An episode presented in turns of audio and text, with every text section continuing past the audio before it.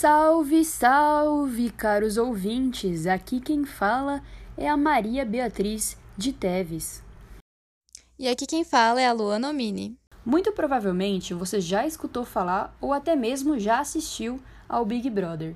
Caso você não conheça, é um reality show fundado por John DeMol, um executivo da televisão holandesa, em que um grupo de pessoas ficam confinadas dentro de uma casa sem notícias do meio exterior. O objetivo do programa é permanecer até o último dia dentro da casa. Para isso, os telespectadores escolhem quem desejam eliminar através de votações no G-Show. Ao fim do programa, apenas um participante vence e leva para casa um milhão e meio de reais e um Fiat Argo zero quilômetro.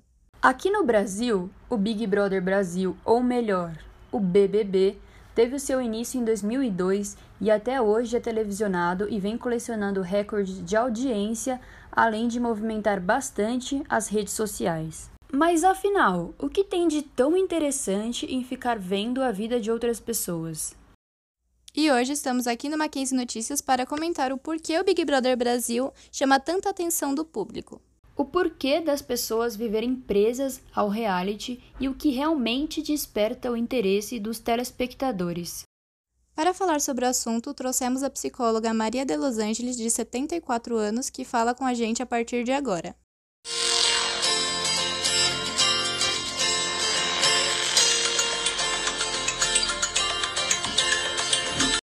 Olá, Maria de Los Angeles. Você poderia responder por que as pessoas são tão fascinadas pelo Big Brother Brasil? Porque, primeiro, porque é conviver em, em grupo, é, é o ver conviver em grupo.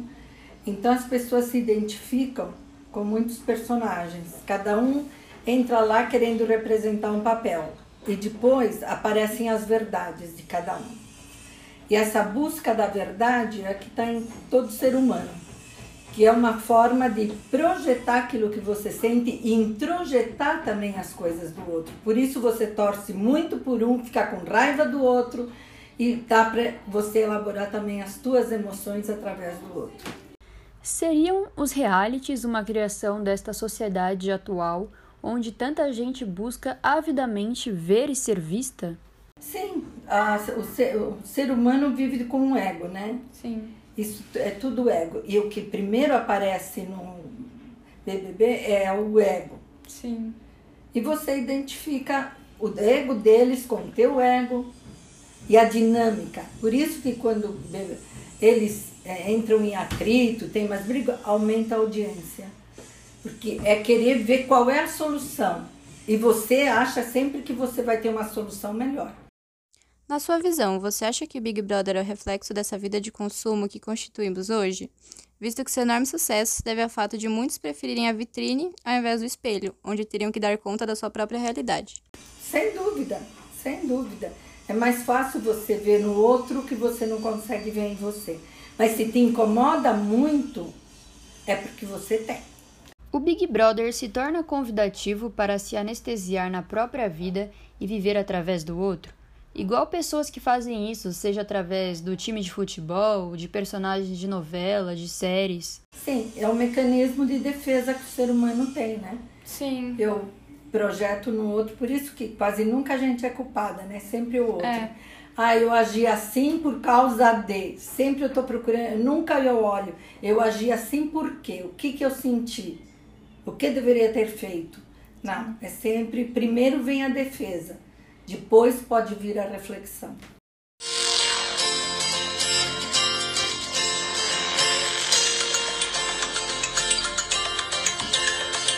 Para continuar falando e explicando o assunto, trouxemos José Maurício, professor de Publicidade e Propaganda, especializado em comunicação de massa.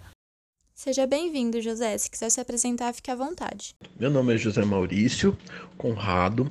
Eu sou professor da área de comunicação no Centro de Comunicação e Letras da Universidade Presbiteriana Mackenzie. Trabalho com disciplinas ligadas à linguagem e a processos criativos. Então, eu trabalho com questões sociológicas e midiáticas contemporâneas, com cenários do futuro da comunicação identidade e culturas contemporâneas e também geopolítica. Né? Então são essas aí as principais áreas onde eu atuo. Bom, José, qual que é a explicação psicológica e até mesmo científica para as pessoas ficarem tão vidradas assim no BBB? O historiador Yuval Noah Harari, autor de Sapiens e Homo Deus, ele é um, ele é um historiador, né, como eu disse, e ele tem discutido a partir também da conexão com, com cientistas cognitivos, né, com, com, com psicólogos também. Ele fez uma leitura aí muito interessante do que, que seria a principal característica da nossa espécie do ponto de vista da ciência para dizer que a espécie sapiens é uma espécie que se agrupa em torno de histórias, né? E essas histórias ele chama de ficções, né? Então ele fala, uma das características da nossa espécie é contar histórias. A gente conta história o tempo inteiro, né? Não só quando a gente para, vou contar uma história, tudo o tempo todo, nosso cotidiano, né? Ele tem essa esse jeito de narrativas, né? Ficcionais. E aí o BBB é uma super narrativa ficcional, né? É, ele entra dentro desse conceito do, do, do, Harari quando ele discute o que é a espécie sapiens. E, a, né, contraditoriamente, é um é chamado de reality show, né, um show que supostamente simula a realidade, mas mais do que nunca ali são. Né, o que, que você tem? Narrativas sendo contadas que agrupam pessoas, né? Essa é uma grande característica aí da nossa espécie, a gente se agrupar em torno de histórias, né? E cada um, né, cada grupo e grupos de tamanhos diferentes se juntam aí, né? Isso a gente pode pensar time de futebol, a gente pode pensar, né, pessoas que se, se agrupam por conta de um determinado artista e assim por diante, tá? Então essa seria aí uma breve explicação, né, é, pensar justamente naquilo que o Yuval Harari está discutindo sobre uma das principais características da nossa espécie, se agrupar em torno de ficções. José, para você o BBB é o reflexo da sociedade de consumo que constituímos hoje? Sim, sim. Ele é um reflexo à medida em que ele também reflete a sociedade do espetáculo, que é um conceito do Guy Debord, né? É, e ele também acaba refletindo, né? O próprio Zygmunt Bauman, um sociólogo que faleceu há pouco tempo, vai discutir a questão da nossa vida líquida, desse mundo pós-moderno, a vida para o consumo e o BBB reflete bastante isso, né? Essas relações efêmeras, essa coisa espetacular de alta visibilidade, né? São relações que não não são relações líquidas, né? São relações ali que você estabelece, tanto o público estabelece relações líquidas com os participantes, né? Porque eles ficam pouco tempo, são odiados, são amados, mas isso não é duradouro, quanto ali dentro da casa mesmo. Então, sim, ele é reflexo da sociedade do consumo. E por que que o público acaba pegando raiva, amor dos participantes a ponto disso acabar interferindo na vida dos mesmos? Porque nós nos espelhamos nas histórias que a gente vê, né? De novo dá para citar Yuval Harari. É, nós somos essa espécie que constrói ficções, né? A gente cria uma segunda realidade em cima de tudo, né? É um conceito altamente filosófico e semiótico esse, né? De que a nossa espécie ela constrói essa essa segunda realidade e nós acabamos nos espelhando, de certa forma, nas histórias que a gente constrói. Né?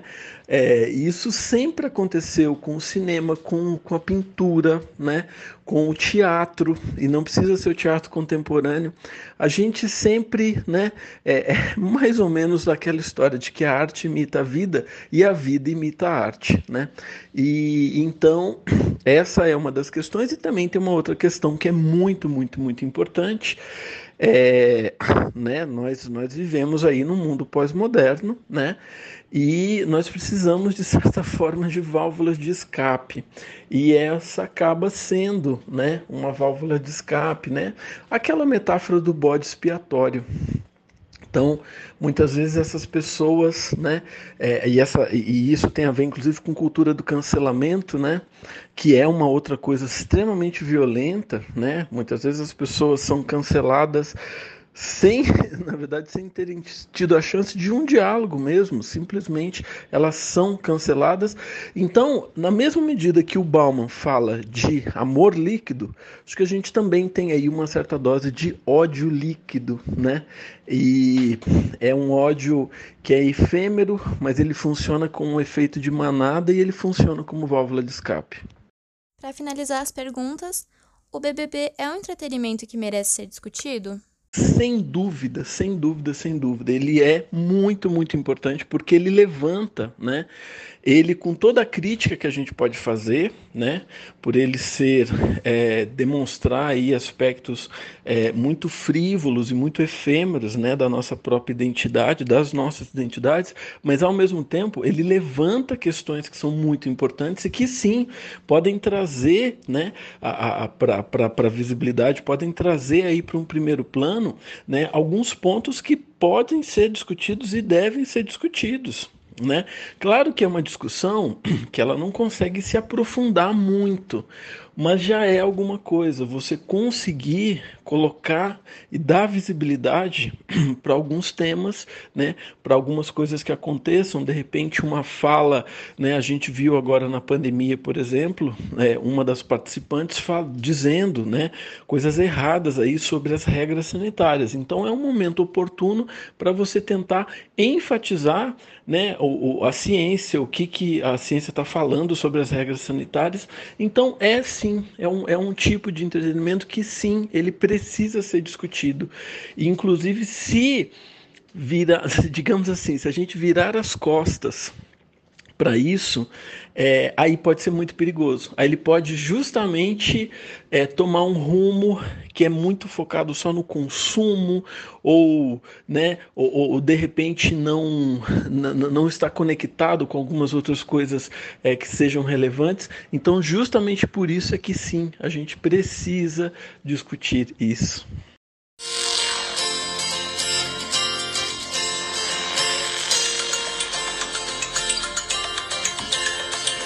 E este foi o Mackenzie Notícias de hoje, dia 26 de abril de 2021. A apresentação foi minha, Maria Beatriz de Teves e de Luana Omini. Um abraço para você, uma ótima semana e até mais.